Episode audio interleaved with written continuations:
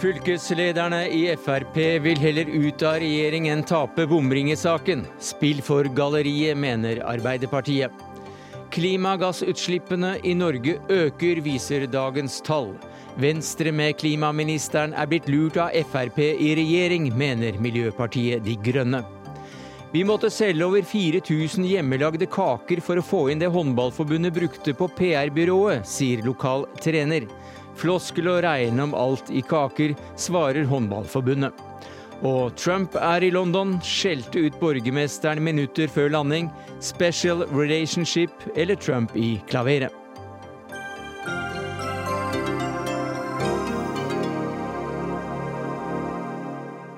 Ja, Det er noen av sakene i Dagsnytt 18 denne mandagen, der vi også får høre at en norsk suksessforfatter nekter å la forlaget utgi hans nye roman 'Mellom myke permer'.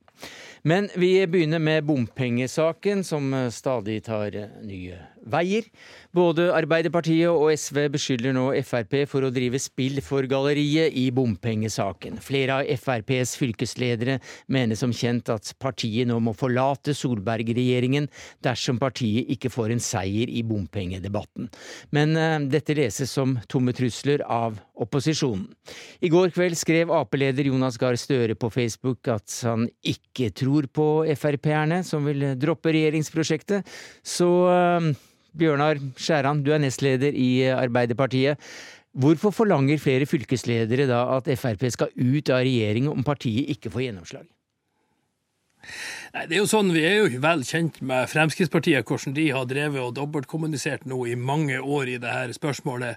Eh, når det er sagt, så, så, ser vi jo at det koker når fire fylkesledere har vel gått ut i dag. Så, så det, er nok, det, er nok, tøft internt i Fremskrittspartiet. Og, og for å si det sånn, jeg jeg forstår det. Altså, det her er, det her er folk som skal ut i en lokal valgkamp, som har stått på stand i, i, i et tiår og lovet at hvis bare Fremskrittspartiet kom i regjering, så skulle bensinprisene komme under ti kroner, og alle bomstasjoner skulle bort. Så kom de i regjering, de har fått finansministeren, de har sittet med samferdselsministeren i seks år, eh, og så er vi der vi er i dag. Så Men hvordan i all verden klarer, du da, godt, hvordan klarer du da å si at uh, det koker uh, veldig, men samtidig så er det spill for galleriet?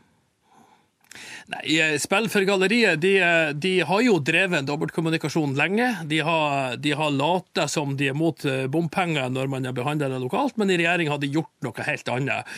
Og Nå er vi kommet på et nivå der det egentlig ikke er det minste rart at folk reagerer. Fordi at På den ene sida så, så, har den summen som innkreves i bompenger, økt til 13 milliarder, samtidig som de har ført en politikk på andre områder som gjør at dette har blitt veldig vanskelig for vanlige folk. Men tror du altså, at Frp vil gå ut av regjering på dette spørsmålet, ja eller nei? Nei, det er veldig vanskelig å spå om. Det får vi nå se. De skal ha sitt landsstyremøte nå. Jeg skjønner det koker inn mot det. Og så er det jo sånn at vi har jo erfaring for at den statsministeren som leder denne regjeringa, hun, hun, er veldig til å strekke seg veldig, veldig langt bare for å beholde makta. Vi, vi, så for ikke lenge siden at uh, abortloven, mm. som det har vært ro rundt i 40 år, ble lagt på bordet for å beholde makta. Og det skal det være ro rundt her også. Men eh, Bård ja. Hoksrud, du er stortingsrepresentant for Frp. Hva sier du til at dere blir beskyldt for klassisk dobbeltkommunikasjon? Kommunikasjon? Jeg mener det er helt feil. Dette handler ikke om noe spill i det hele tatt. Dette er alvor. Dette betyr noe for folk, familier, i hverdagen deres. Eh, og det gjør jo at Fremskrittspartiet, som har kjempa imot bompenger hele tida, vært, eh, gjort alt vi har kunnet for å eh, bli kvitt de, og redusere de, eh, er altså vært veldig tydelig på at dette er en viktig sak. Så, er, så, så, i potten så ligger det altså faktisk regjeringsdeltakelse eller ikke? Nå, nå er det sånn at uh, landsstyret er kalt inn til møte på onsdag. Og så uh, vil jo partilederen og landsstyret ha diskusjoner rundt dette. Og det er, jo, det er, jo, dette som er fantastisk bra. Vi har altså et parti som er opptatt av ledelsen, ønsker å lytte til grasrota, ønsker å lytte til fylkeslagene våre. og Derfor så kaller vi inn og tar inn hele organisasjonen. Arbeiderpartiet er ikke vant til å gjøre sånne Nei, ting, men, men, vi, men vi syns det er viktig fordi det handler om at dette er viktig for veldig mange mennesker, og det skal vi ta på alvor. Og så er det sånn at Man må ha med at bypakkene, eller disse mm. bompakkene, er vedtatt lokalt. Det er lokalpolitikerne som vedtar dette i, i, på Jæren, i Oslo, i Bergen, mm. i Trondheim. Som rammer helt vanlige folk, som får kjempeutfordringer med å få hverdagen sin til å gå. Og hvis du følger med på nrk.no, så kan du se uh, overskriften uh, 'Siv ringer nå lederne, fylkeslederne'. Hva hvis de kommer i morgen og sier at nei, du, dette her koster for mye, det er valgår, vi må faktisk ut av regjeringen hvis ikke regjeringen skifter politikk i bomringsaken? Ja, nå er det som sagt nå er det landsstyret på onsdag, eh, og da vil eh, partilederen sammen med, og parti, partiledelsen sammen med fylkeslederne våre eh, og representanter fra stortingsgruppa ha landsstyremøte hvor man skal både gi en tilbakemelding til, til fylkeslederne ja. med bakgrunn i landsmøteresolusjon, men også at fylkeslederne skal få muligheten til å komme men hva sier, Bård, hva sier, Bård, Hoksrud, da? Ja, Bård Hoksrud han forholder seg til at det er landsstyremøte på onsdag. Ja, eh, så han sier ingenting? Jo, men Bård Hoksrud er veldig opptatt og har alltid vært opptatt av å jobbe mot bompenger ja. og redusere bompengebelastninga for mm. vanlige folk. Og det kommer jeg til å fortsette å gjøre. Det gjør Fremskrittspartiet. Vi står på hver eneste dag. Det skal folk mm. være trygge på. Bjørn Skjæran, det er altså ikke dobbeltkommunikasjon, dette? Jeg tror jo at Bård Hoksrud sjøl hører hva han sitter og sier. Altså, bare de siste ukene så har jo han sittet og stemt for nye bompengeprosjekter i Stortinget. Eh, men det som er den store utfordringen som, som, ligger på toppen, og som gjør at denne saken spisser seg, det er jo at, eh, at han representerer en regjering som ikke har prioritert vanlige folk. Altså, De har gitt 25 milliarder i skattekutt, der de aller rikeste har fått det aller meste, og så har de påført helt vanlige folk store utgifter. Jo, men vent litt. De har, de har på, påført helt vanlige folk store utgifter. De har gjort det dyrere for pendlerne. De har gjort strømmen dyrere, de har gjort barnehageplassene dyrere. Og de har, eh, på toppen av det her så har de innført en masse usosiale mm. kutt som rammer, som rammer utsatte grupper. Vi kan nevne funksjonshemmede, ja. vi kan nevne arbeidsavklaringspenger. Vi kan sikkert nevne en masse, Bjørn Skjæran, men, men summen av alt dette blir også da at folk får nok. Vi må nesten få inn Bård Hoksrud her, vær så god. Det må være mulig å spørre Arbeiderpartiet tilbake. Skal Arbeiderpartiet redusere bompengebelastninga for folk flest? Nei, har Jonas Gahr Støre sagt. Man ønsker å putte takstameteret inn i bilen til folk for at man skal flå vanlige bilister enda mer. Det er Arbeiderpartiets løsning. Og så handler dette her som jeg sier om at disse tinga blir vedtatt lokalt. Fremskrittspartiet lokalt kjemper imot disse bompengeprosjektene. Og så må det til Stortinget for endelig godkjenning. Og dessverre dette Og Hvem er det som har flertall i Stortinget? Jo, i... Er det regjeringen med, med partiet ditt jo. Eh, i uh, viktige stillinger? Men så vet alle at uh, her fikk vi ikke gjennomslag for å fjerne bompengene i, regjeringspartiene. Men vi har altså nå Eh, jobber beinhardt for å gjøre noe. Vi har redusert, vi har, vi har fått, fått uh, redusert bompengebelastninga. Vi har fjerna bomstasjoner i den, eh, de to periodene vi har sittet i regjering nå. Vi er opptatt av å jobbe for å redusere skatter og avgifter for vanlige mm. folk og bompengebelastninga.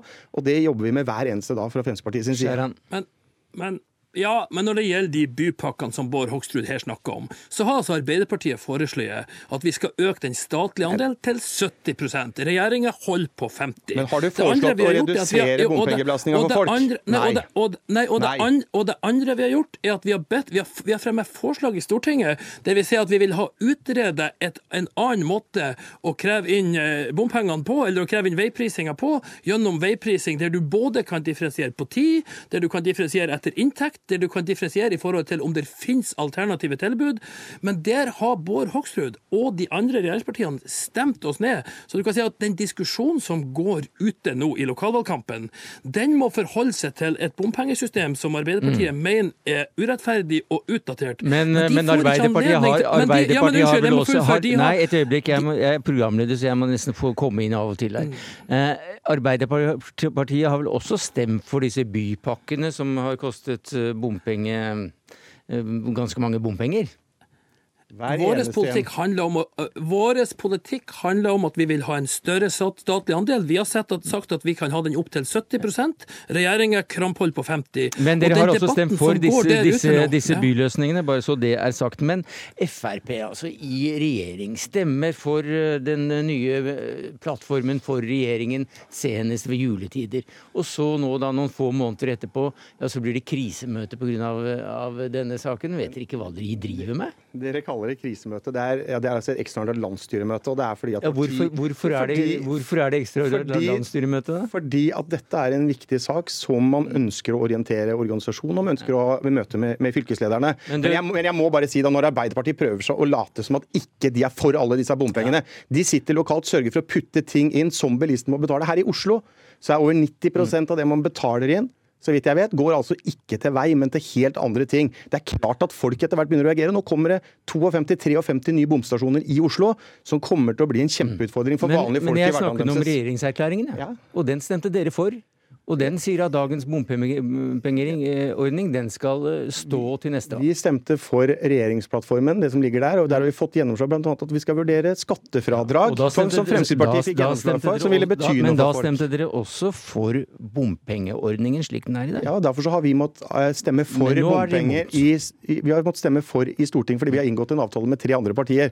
Men lokalt, og er, men dette er lokalvalgkamp, og nå er det opp til eh, folk lokalt. Hvis man ønsker å stemme på partier som er imot bompenger, da må man stemme på Fremskrittspartiet, fordi de jobber steinhardt imot den type måte å, å flå norske bilister på. Skjæran, ganske kort.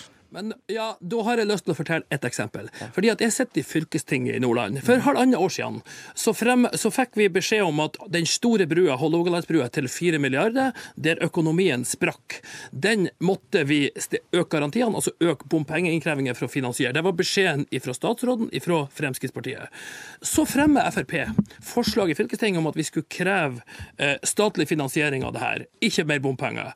Og vi valgte, det her var dagen før Siv Jensen skulle legge fram statsbudsjettet, så hele fylkestinget valgte å slutte seg til Fremskrittspartiet sitt forslag. Beskjeden fra Siv Jensen dagen etter og fra samferdselsministeren var glem det. Skal brua bygges ferdig, så må dere vær så god øke bompengene. Og vi måtte nesten samle fylkestinget til ekstraordinært møte for å løse opp i situasjonen. Og på toppen av det så går det altså ett år. Da kommer eh, Jon Georg Dale og statsministeren med hornmusikk og hele pakka og åpner brua. Det var altså et en ganske ganske lang, eksempel. ganske, ganske lang, langt eksempel, egentlig, skal jeg være helt ærlig, Bjørnar Skjæran. Men takk skal du ha, nestleder i Arbeiderpartiet. Takk til deg, Bård Hoksrud, stortingsrepresentant for Frp. Magnus Takvam, vår politiske kommentator. Hva slags sak er dette blitt?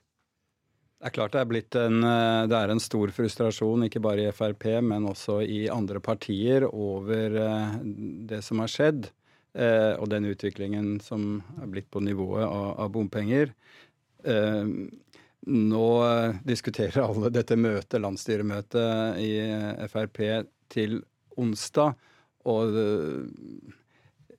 det er klart at Bård Hoksrud og mange Frp-ere får jo da gjennom mediene og, mediene og, og her i Dagsnytt 18 ja, anledning til i dagevis å gjenta hvor veldig mye de er imot bompenger. Sånn at én måte å se dette, dette møtet på er jo at eh, det er en måte for Frp å minne velgerne om at de faktisk er imot bompenger. Så de er ikke eh, villige til å gå ut av regjeringen på denne saken? Det må jo dette møtet vise. Jeg for min del tror overhodet ikke det. Og jeg tror i hvert fall ikke at partiets ledelse og de ledende i personene i landsstyret, Siv Jensen, Sylvi Listhaug osv., er, eh, er inne på den tanken. Men det er også da flere fylkesledere. Det er det jo. Det er klart det er en, en voldsom protest i deler av landet der lokale Frp-ere må forsvare at Frp sentralt, som dere har vært inne på, har vært med på vedtak om bompenger i milliardklassen. Og de godtar da ikke den forklaringen som bl.a. Bård Hoksrud og andre i Frp eh, gjentar, at det først er etter lokale vedtak. Folk rundt omkring oppfatter at Frp, ved å gå inn og akseptere å være med i en regjering som den de er, er medansvarlig for, for disse vedtakene og ikke kan eh, løpe bort fra det. Og når det gjelder uro i partier, så er det klart at eh, skulle Frp få stort gjennomslag for de kravene landsmøtet f.eks. vedtok, så vil det bli veldig stor uro også i andre partier i denne regjeringen, i partiet Venstre, i KrF og Høyre.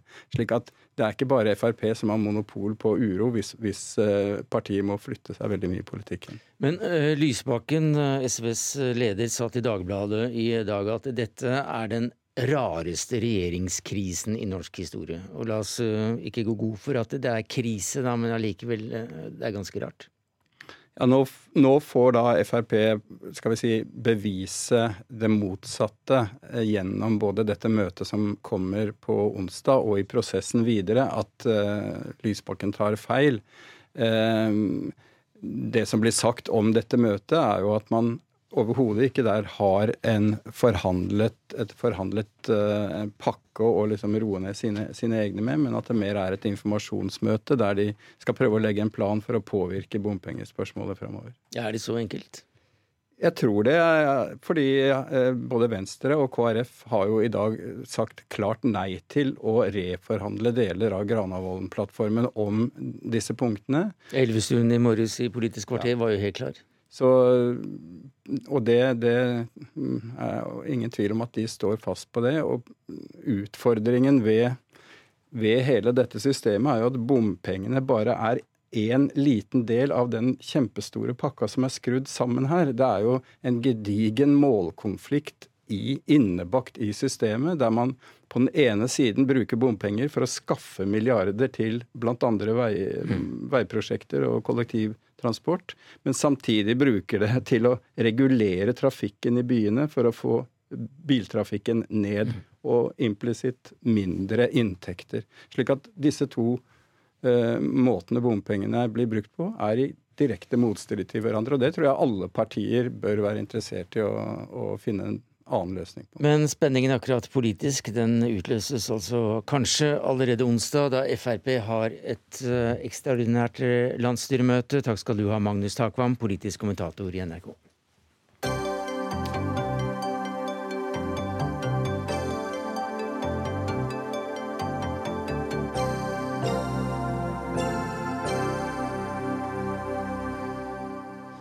Årets tall for eh, klimagassutslippene her i landet kom i, eh, de kom i dag, og de peker eh, oppover. Une Bastholm, du er nasjonal talsperson for Miljøpartiet De Grønne. Hva sier dere til det? Uff, nei, det, I dag har jeg ikke helt visst om jeg skal le eller gråte. Det er jo en skandale. Eh, vi har jo altså en regjering som eh, styrer Norge på den måten at utslippene går opp i en tid eh, hvor FN har sagt at vi må halvere utslippene de neste tolv årene, sa de i fjor. Så nå er det jo elleve år da vi har igjen, og utslippene øker i Norge. Vi er en av veldig få land, rundt fem land i Europa, som fortsatt øker utslippene våre. Det gjør Norge til en klimasinke, en klimaversting i Europa.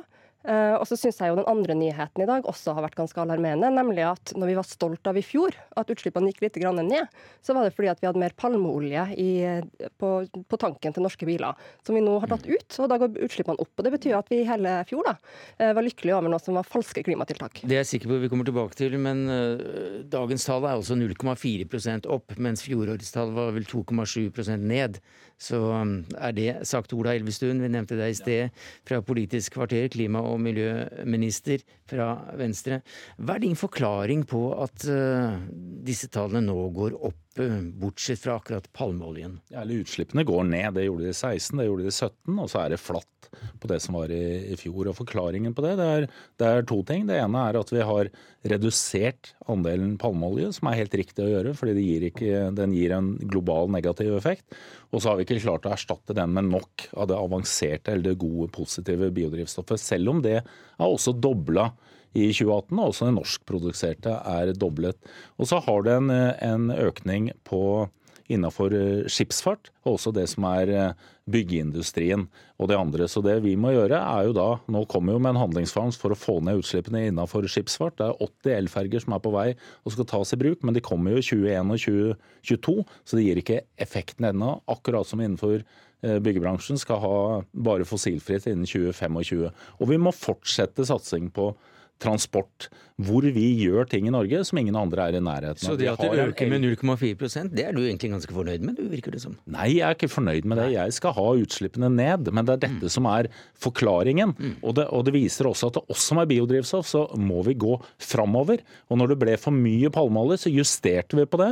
Da får den reduksjonen, og så må vi nå fortsette den mm. forutsigbare politikken for å få opp den gode eh, drivstoffet som vi er nødt til å ha for å nå målene, og særlig på kort sikt. Ja, jeg mener det er et veldig skremmende virkelighetsbilde, det som regjeringa har. For det er akkurat som at de, de, tror at du er nødt til å tåle utslippsøkning på kort sikt for å få til utslippsreduksjon på lang sikt. Men hvis vi ser på tallene fra SSB nå, der utslippene går opp, er jo veitrafikken. Det er bilene, eh, personbilene vi kjører og varetransporten. Det er der det går opp pga.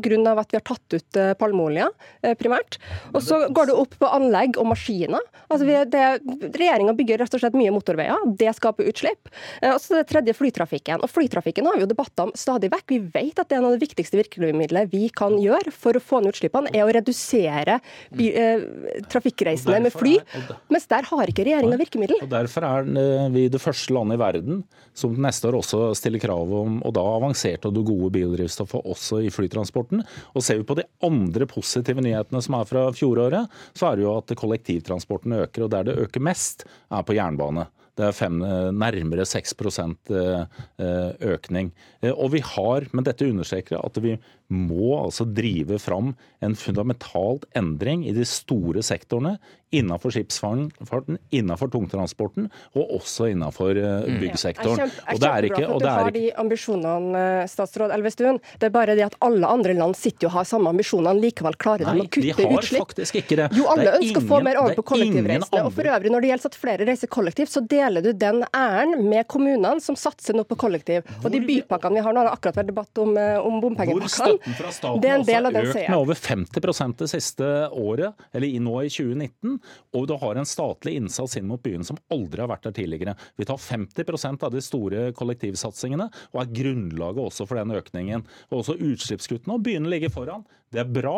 Det kommer også i stor grad av at det er der du gir eh, effekt av de elbilsatsingene som Men er. Men Miljøpartiet De Grønne mener også at eh, Venstre er blitt lurt av Frp i regjering. Hvordan da? Ja, nei, Jeg vet ikke om de har blitt lurt, men eh, de har jo i hvert fall valgt å sitte i en regjering som nå har en plattform, Granavolden-plattformen, eh, som har noen miljøtiltak som utnulles av andre seire som Frp har fått. Eh, det beste eksempelet på det er jo eh, CO2-avgifta, eh, som både Høyre og Venstre har vært veldig stolt over at man har fått inn eh, som punkt, at vi, har, vi skal øke CO2-avgifta årlig framover. Vel og bra det, men så står det i et annet kapittel, i samferdselskapitlet, som sikkert Frp har vært ekstra opptatt av det, der står det at når det gjelder veitransporten, så skal ikke CO2-avgiften føre til økte drivstoffpriser. Altså pumpeprisen skal, skal ikke merke den. Så på det området hvor forurenser betaler-prinsippet skulle gjelde aller mest.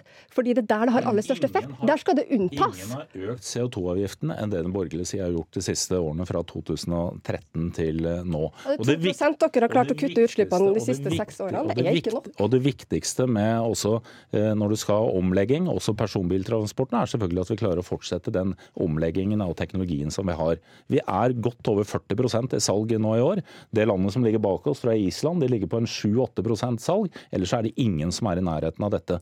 Og vi har disse initiativene på alle de store områdene. og Det, også, det vil også gjelde for MDG at det er først nå at du har den teknologiutviklingen som gjør at det er mulig å ta tak eh, i stor stil eh, og, og, ta i bruk den teknologien på langt flere områder enn det har vært tidligere. Og vi må også ha den gode biodrivstoffet som vi må utføre. Da må du føre en forutsigbar politikk. Det gjør vi.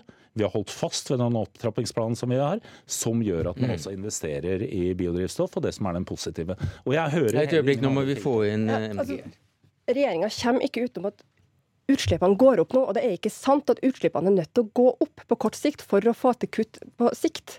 Fordi at det er forskjellige tiltak. Det er f.eks. ikke Når Elvestuen snakker om, um, om, transporten til sjøs, så er det jo ikke der utslippene har gått opp nå. Det er ikke derfor vi har en, eh, en økning. Det er veitransporten, det er flytrafikken, det er anleggsvirksomheten. Det er noe helt andre. Og der, der har man mulighet. F.eks.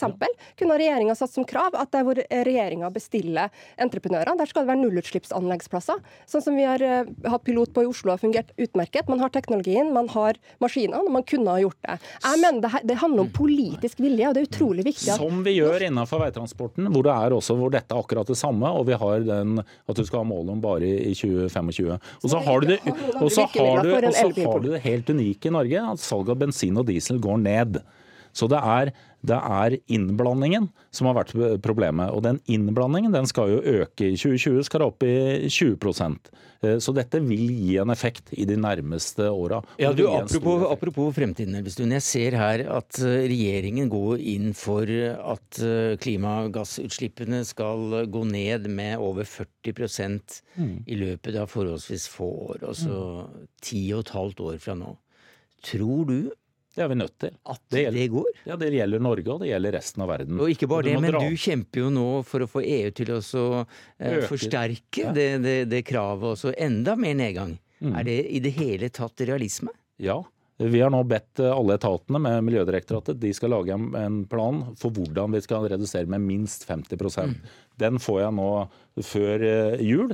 Og så må du altså drive fram denne politikken i åra framover, hvor du må ha fullstendig skifte mm. innenfor de ulike sektorene. Hva tror du er realismen der? Og vi knytter oss også til på spørsmålet ditt, at Ja, det er fullstendig realistisk, men ikke med denne regjeringa. Fordi de, har, de, regjerer nå på en plattform som nuller ut klimatiltakene. Altså Det som skal gi en positiv klimaeffekt, blir nulla ut andre steder. At du skal ha mer motorveiutbygging, du skal ha jo mer flyreisende, du skal bygge ut Gardermoen eh, flyplass. Du skal eh, du skal ikke merke klimapolitikken når det kommer til drivstoffen som fossilbilene kjører rundt på. Den gir til og med mer avgiftsletter til fossile biler enn de gjør til elbiler og nullutslippsbiler. Så det her er en regjering som er altså, nå skal jeg ikke si schizofren, for det er helt feil ord å bruke, men de, de, snakker med to tunger.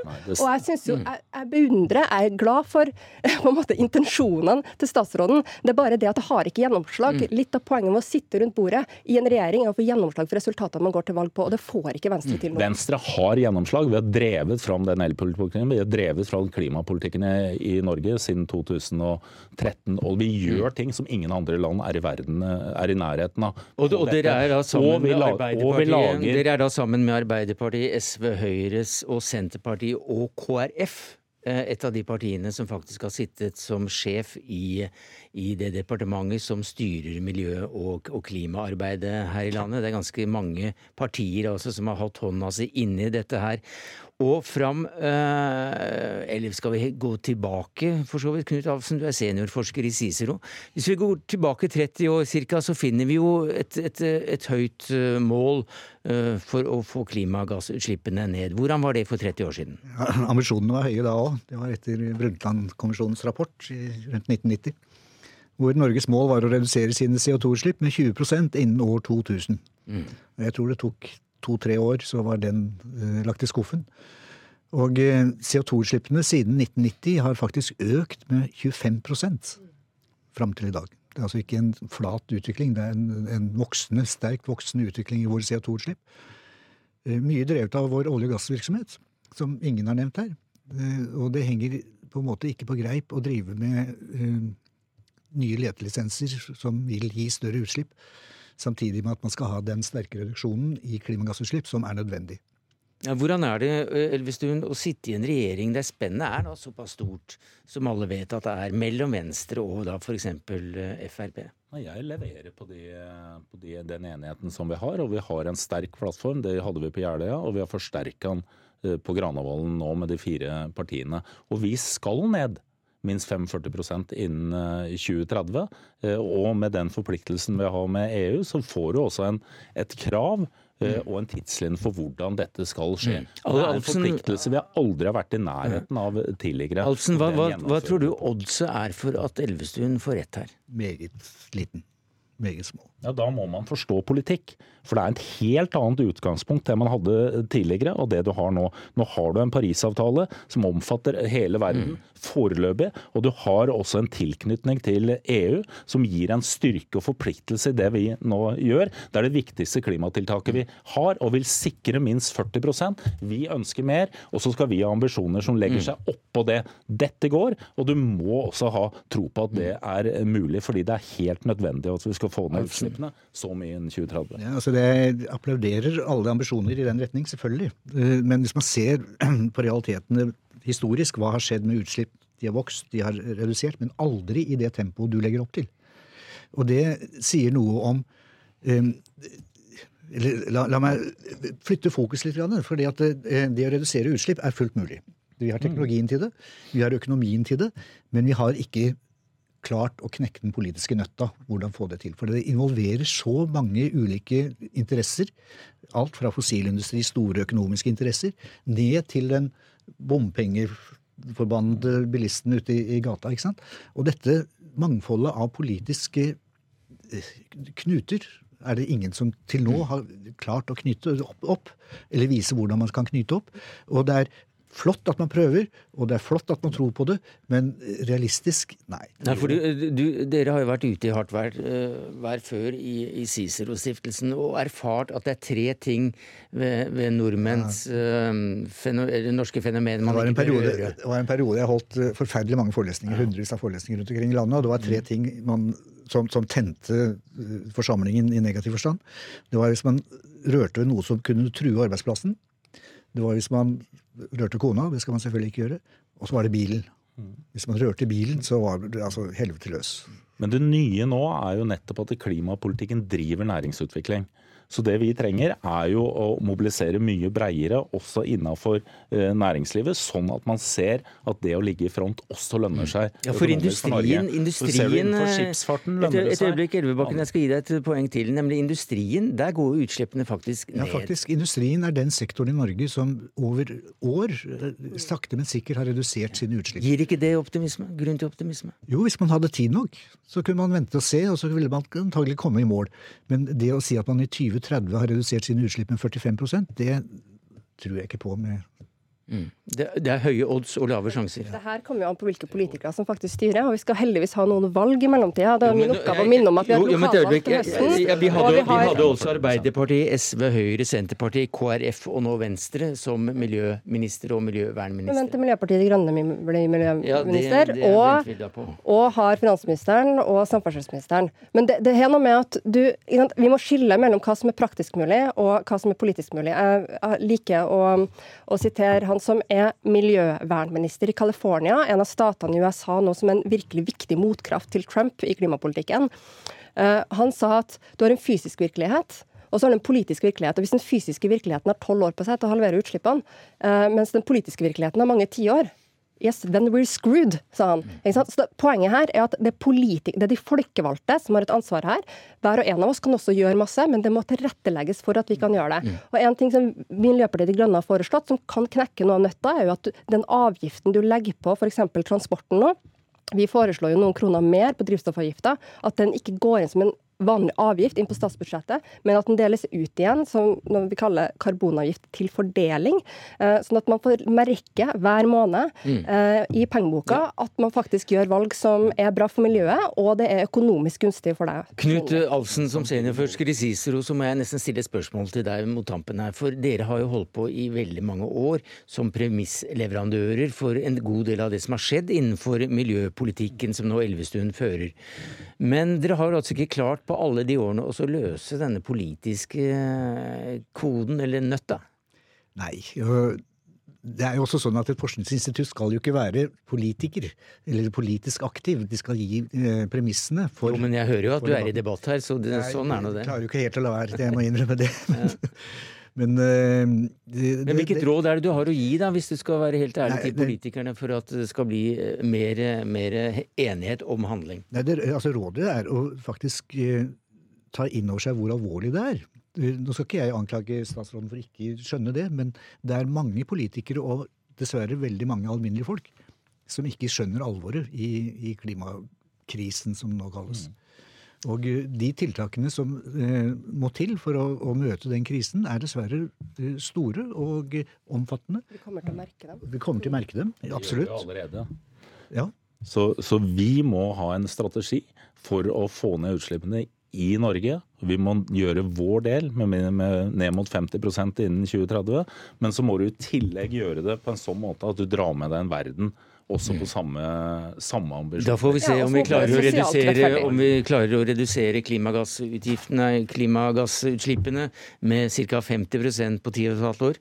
Eh, hva var det du sa? Vi ses neste år. Oddsene er høye, sjansene er lave, ifølge Cicero. Takk skal du ha, Une Bastheim, nasjonal talsperson for Miljøpartiet De Grønne. Ola Elvestuen, klima- og miljøvernminister fra Venstre. Og Knut Alfsen, seniorforsker ved Cicero. Música Håndballforbundet ville ha Berit Kjøll som ny idrettspresident. Derfor sponset de hjelp fra et PR-byrå til drøye 80 000 kroner i innspurten, og de vant. Mange satte et spørsmålstegn ved selve den prosessen, om det var åpenhet nok osv., og, og nå reagerer også grasrota på selve pengestøtten. Og hvorfor gjør dere det, Oda Sjøvold, du er leder i håndballgruppa i Linderud IL her i Oslo? Tenker Først skal vi minne oss sjøl på hva denne saken egentlig handler om. Og det er jo nemlig å skape en arena for samhold, mestring og idrettsglede for alle barn. Og Derfor er det sykt provoserende at enkelte idrettslag eh, blir bedt om å kutte kostnader eh, på den ene sida, eh, og så sitter pengene så løst på toppen. Eh, det viser enten manglende forståelse for eh, eller manglende respekt for hva vi på grasrota står i.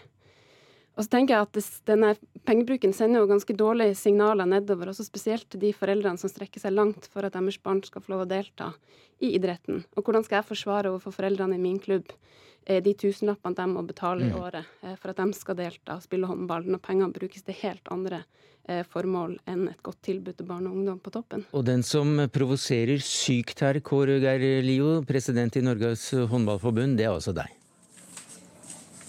Ja, det kan jeg godt skjønne når det blir framstilt på denne måten her. Vi betaler en regning på noen tjenester som eh, Berit Kjøll ba om eh, å få hjelp eh, til når hun stilte til valg. Jeg kan forsikre Oda om at ingen av de penningene som blir jobba med i hennes klubb på dugnadssida eller på annet vis, tilfeller den økonomien sentralt som vi her snakker om.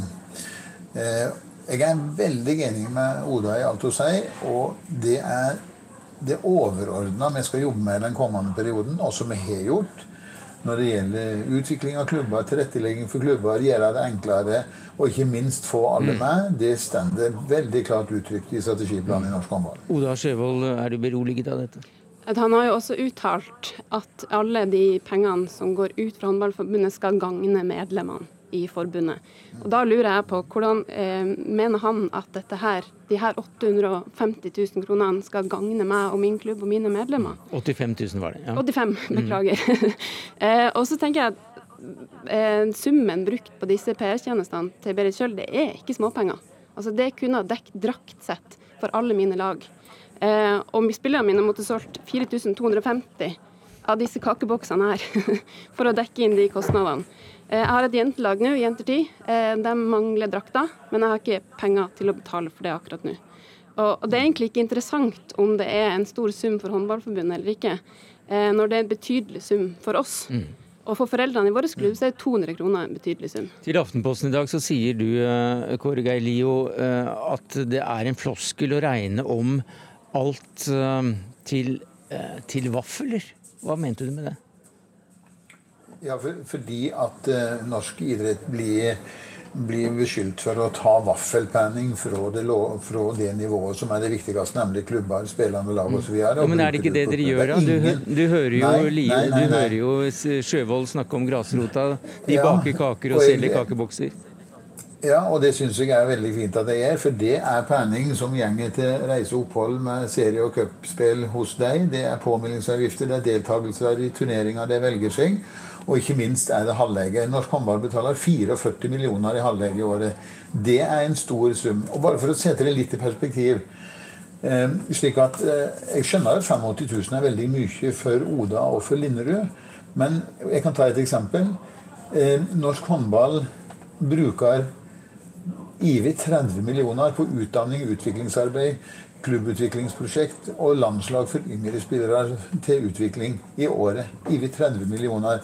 Vi har nettopp på tinget bevilga på bakgrunn av et forslag fra klubbene sjøl gjennom regionene 6 millioner til integrering og eh, til, til inkludering av de som trenger det mer enn andre. Men eh, vi er helt sikre på at dere bruker pengene på mange gode formål, Geir, eh, Kåre Geir Lio. Det er det ikke det vi snakker om heller. Men det var vel først og fremst dette signalet, da, å bruke 85 000 kroner til et PR-byrå som man da regnet om til kakeekvivalenter. Ja, det som, det som vi har gjort, det er at vi, vi fremma en kandidat. Eh, to og en halv uke før denne kandidaten skulle i ilden, så ba hun om hjelp, slik at hun kunne være godt forberedt. Det mente vi at hun skulle få, og vi tok regninger for den hjelpen.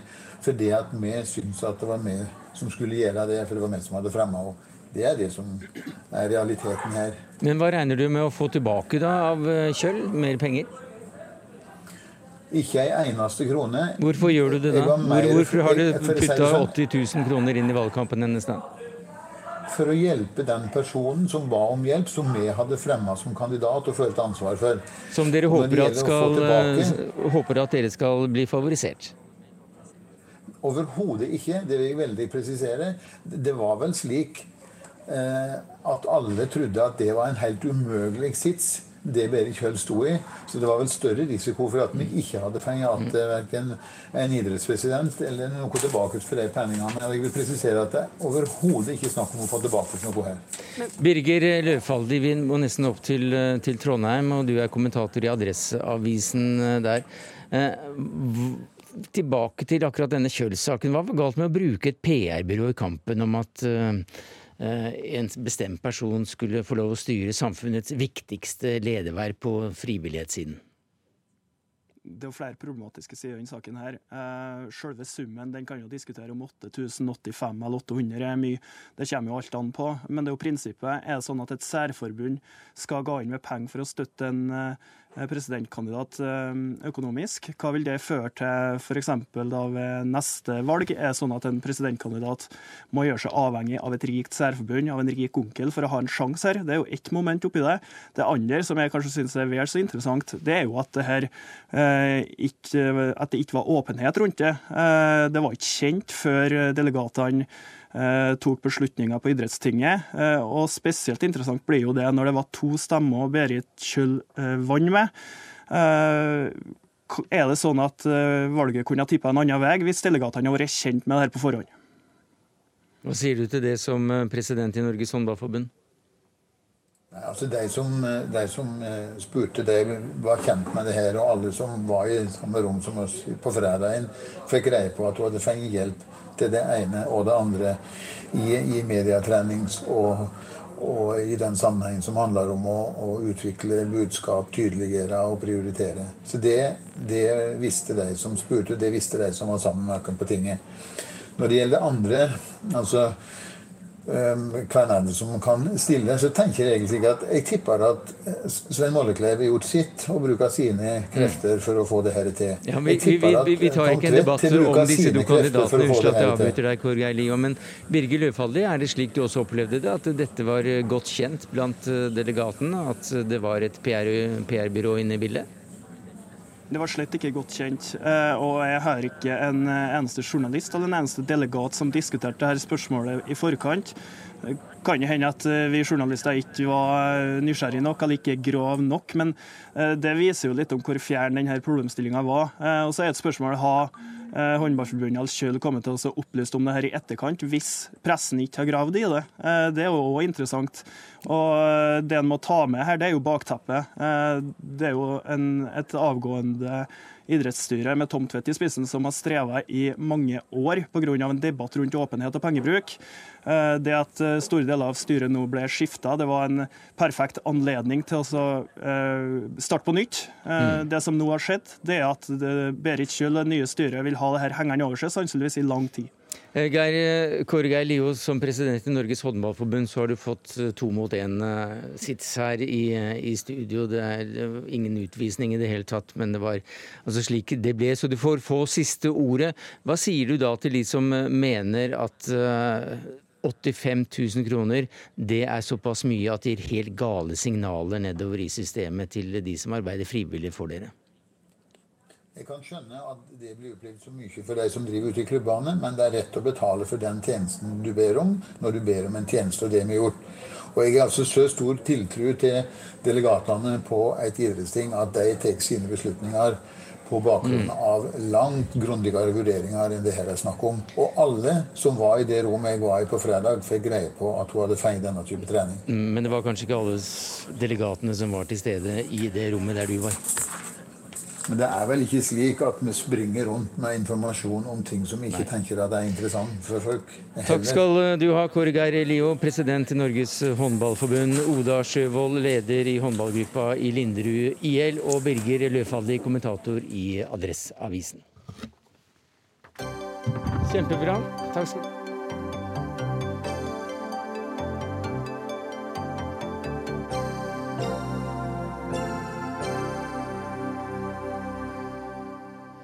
Så til Storbritannia, der USAs president er på offisielt statsbesøk. Og før vi tar de mer kuriøse sidene ved Trumps eh, besøk, som hans heiarop til Boris og utskjelling av Londons borgermester, så må vi nesten få høre hva meningen med selve besøket egentlig er, vår mann i London, Øyvind Nyborg. Hva skjer?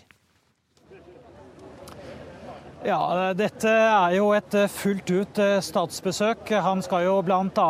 på en gallamiddag på Buckingham Palace eh, bak meg her. Sist gang Trump var her, i juli i fjor, så var det jo bare et arbeidsmøte, et politisk møte.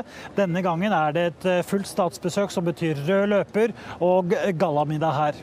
Hva blir de viktigste, sakene han skal ta opp? Det aller viktigste er jo hva som skjer etter brexit. For både amerikanerne og for så vidt også britene er interessert i å få til en handelsavtale etter at nå britene endelig kanskje klarer å komme seg ut av EU. Og så er det forholdet til Kina. Eh, amerikanerne er bekymret for at britene skal kunne inngå avtaler med det kinesiske mobiltelefonselskapet Huawei om utbygging av 5G-nettverket. At eh, kinesiske myndigheter på den måten lettere skal kunne spionere på eh, vestmaktene på den måten.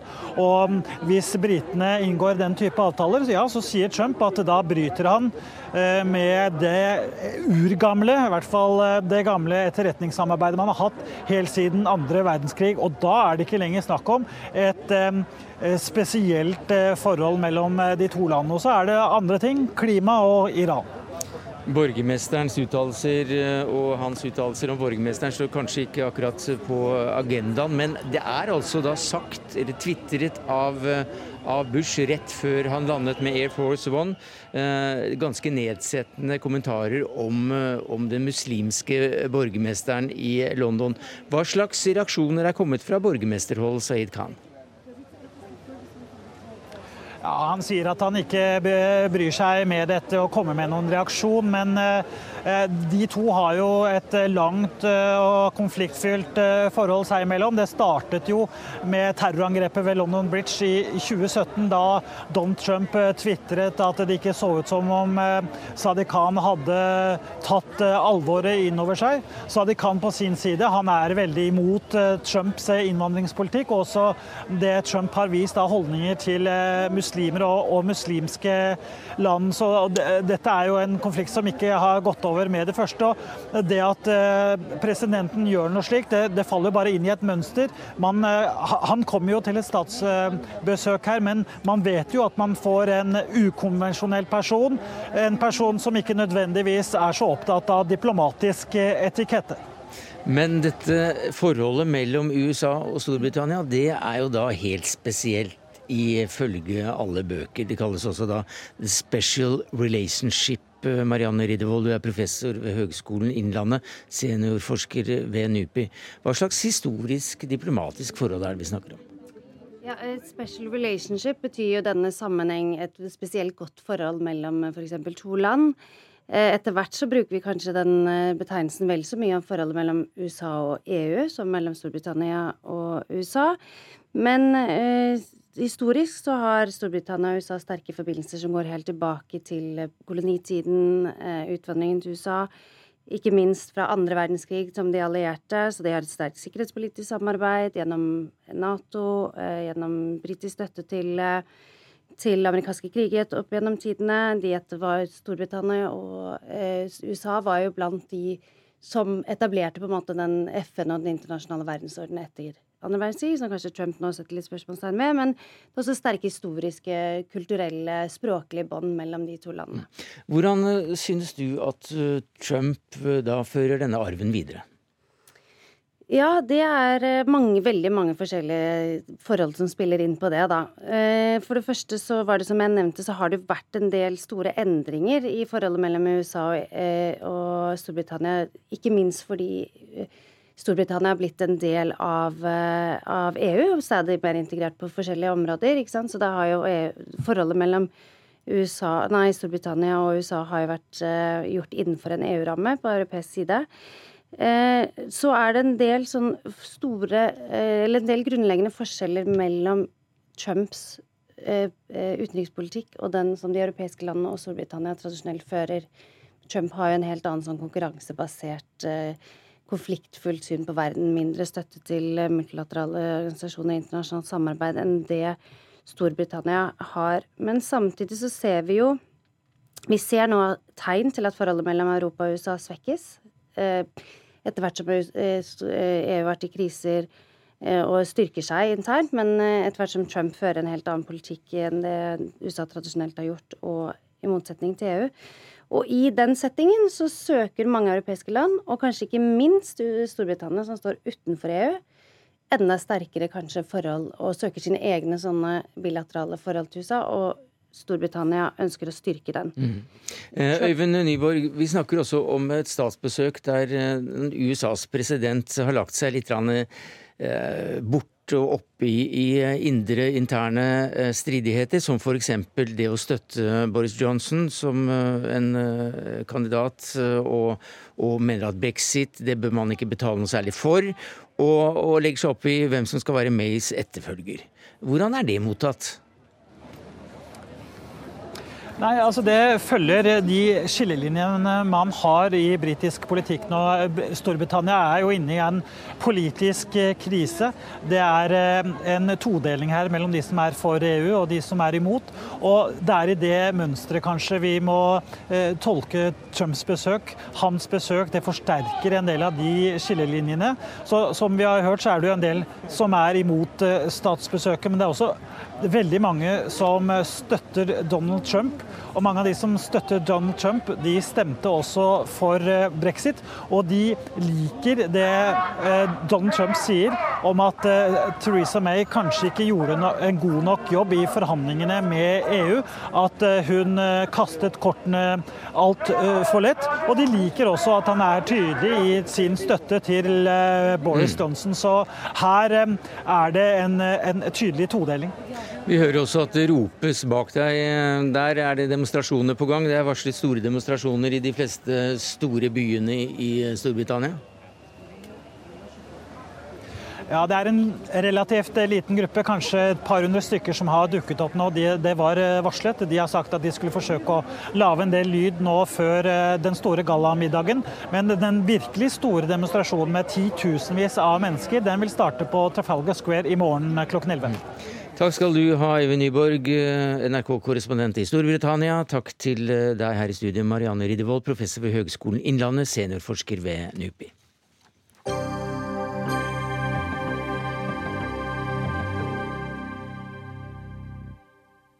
Så til eh, hva vi skal få lest av litteratur mellom myke permer. I alle fall så blir ikke det din neste bok, Tore Renberg, for du vil nekte Cappelen Dam og gi ut neste roman som pocketbok, og hvorfor vil du det? Ja, nei, jeg eh, har vært forfatter i noen år, og nå kjente jeg at hvis det var en gang jeg skulle streike, eller liksom være streikegeneral Renberg, så var det nå.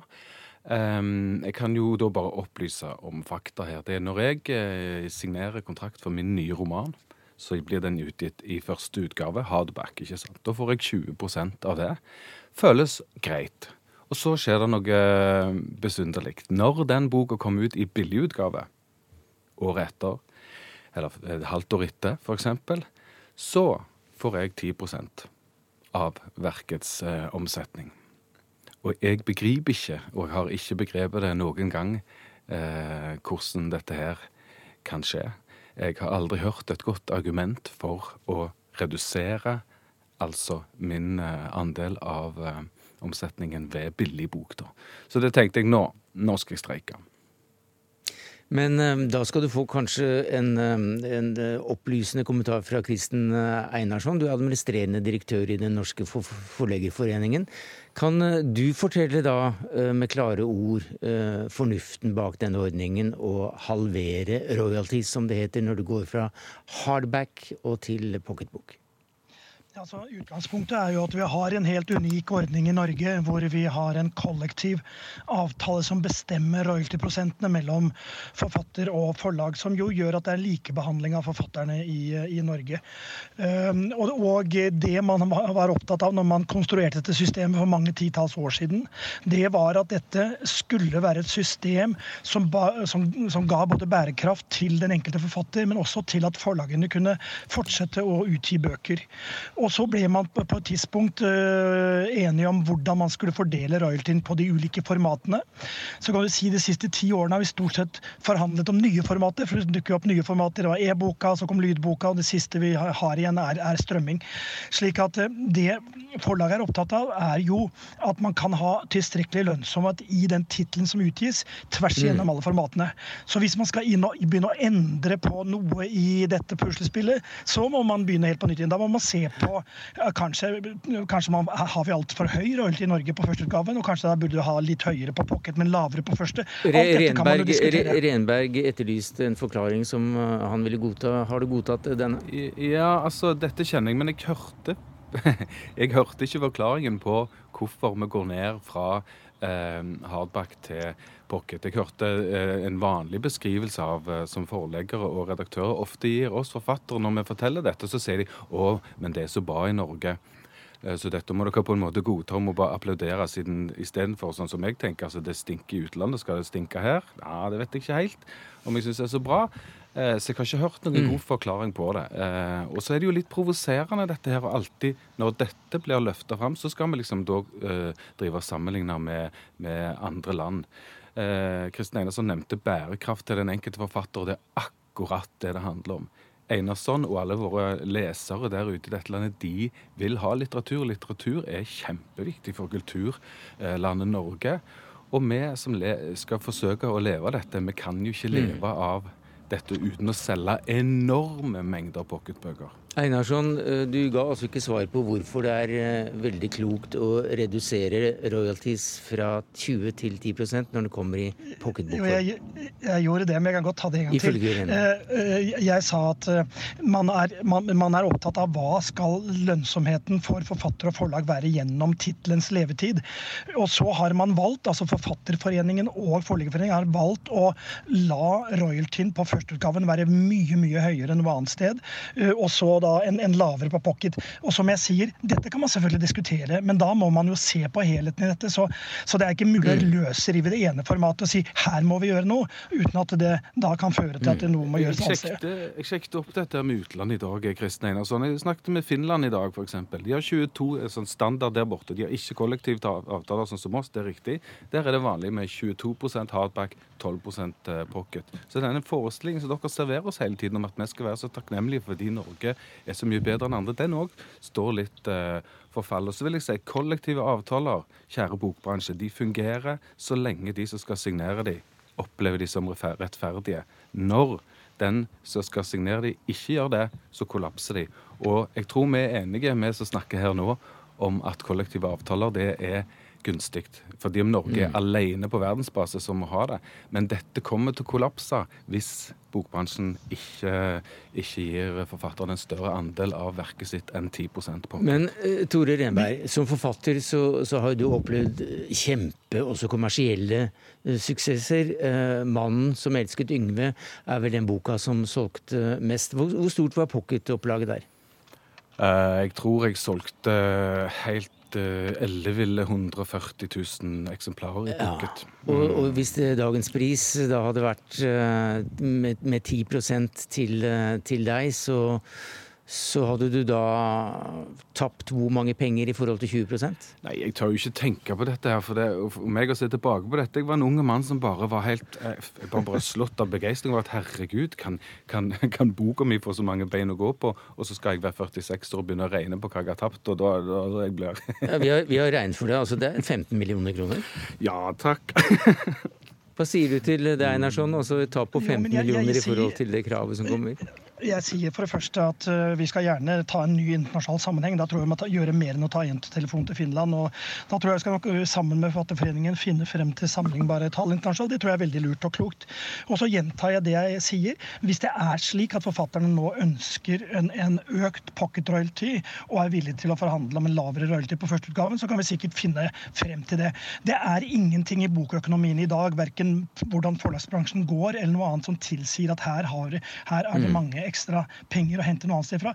Vi må lage bærekraft i dette. Vi må Mm. ha evnen til å dyrke frem forfatterskap. Og noe av poenget med at eh, det er høy royalty på førsteutgaven og kulturrådspenger, er jo at vi skal Ja. skape forfatterskap. Og nå, går, eh, nå skaper du litt trøbbel for meg, for at nå går sendinga mot slutten. Jeg må nesten bare takke dere og ønske lykke til. Tore Renberg, forfatter, og Kristen Einarsson, administrerende direktør i Den norske forleggerforeningen.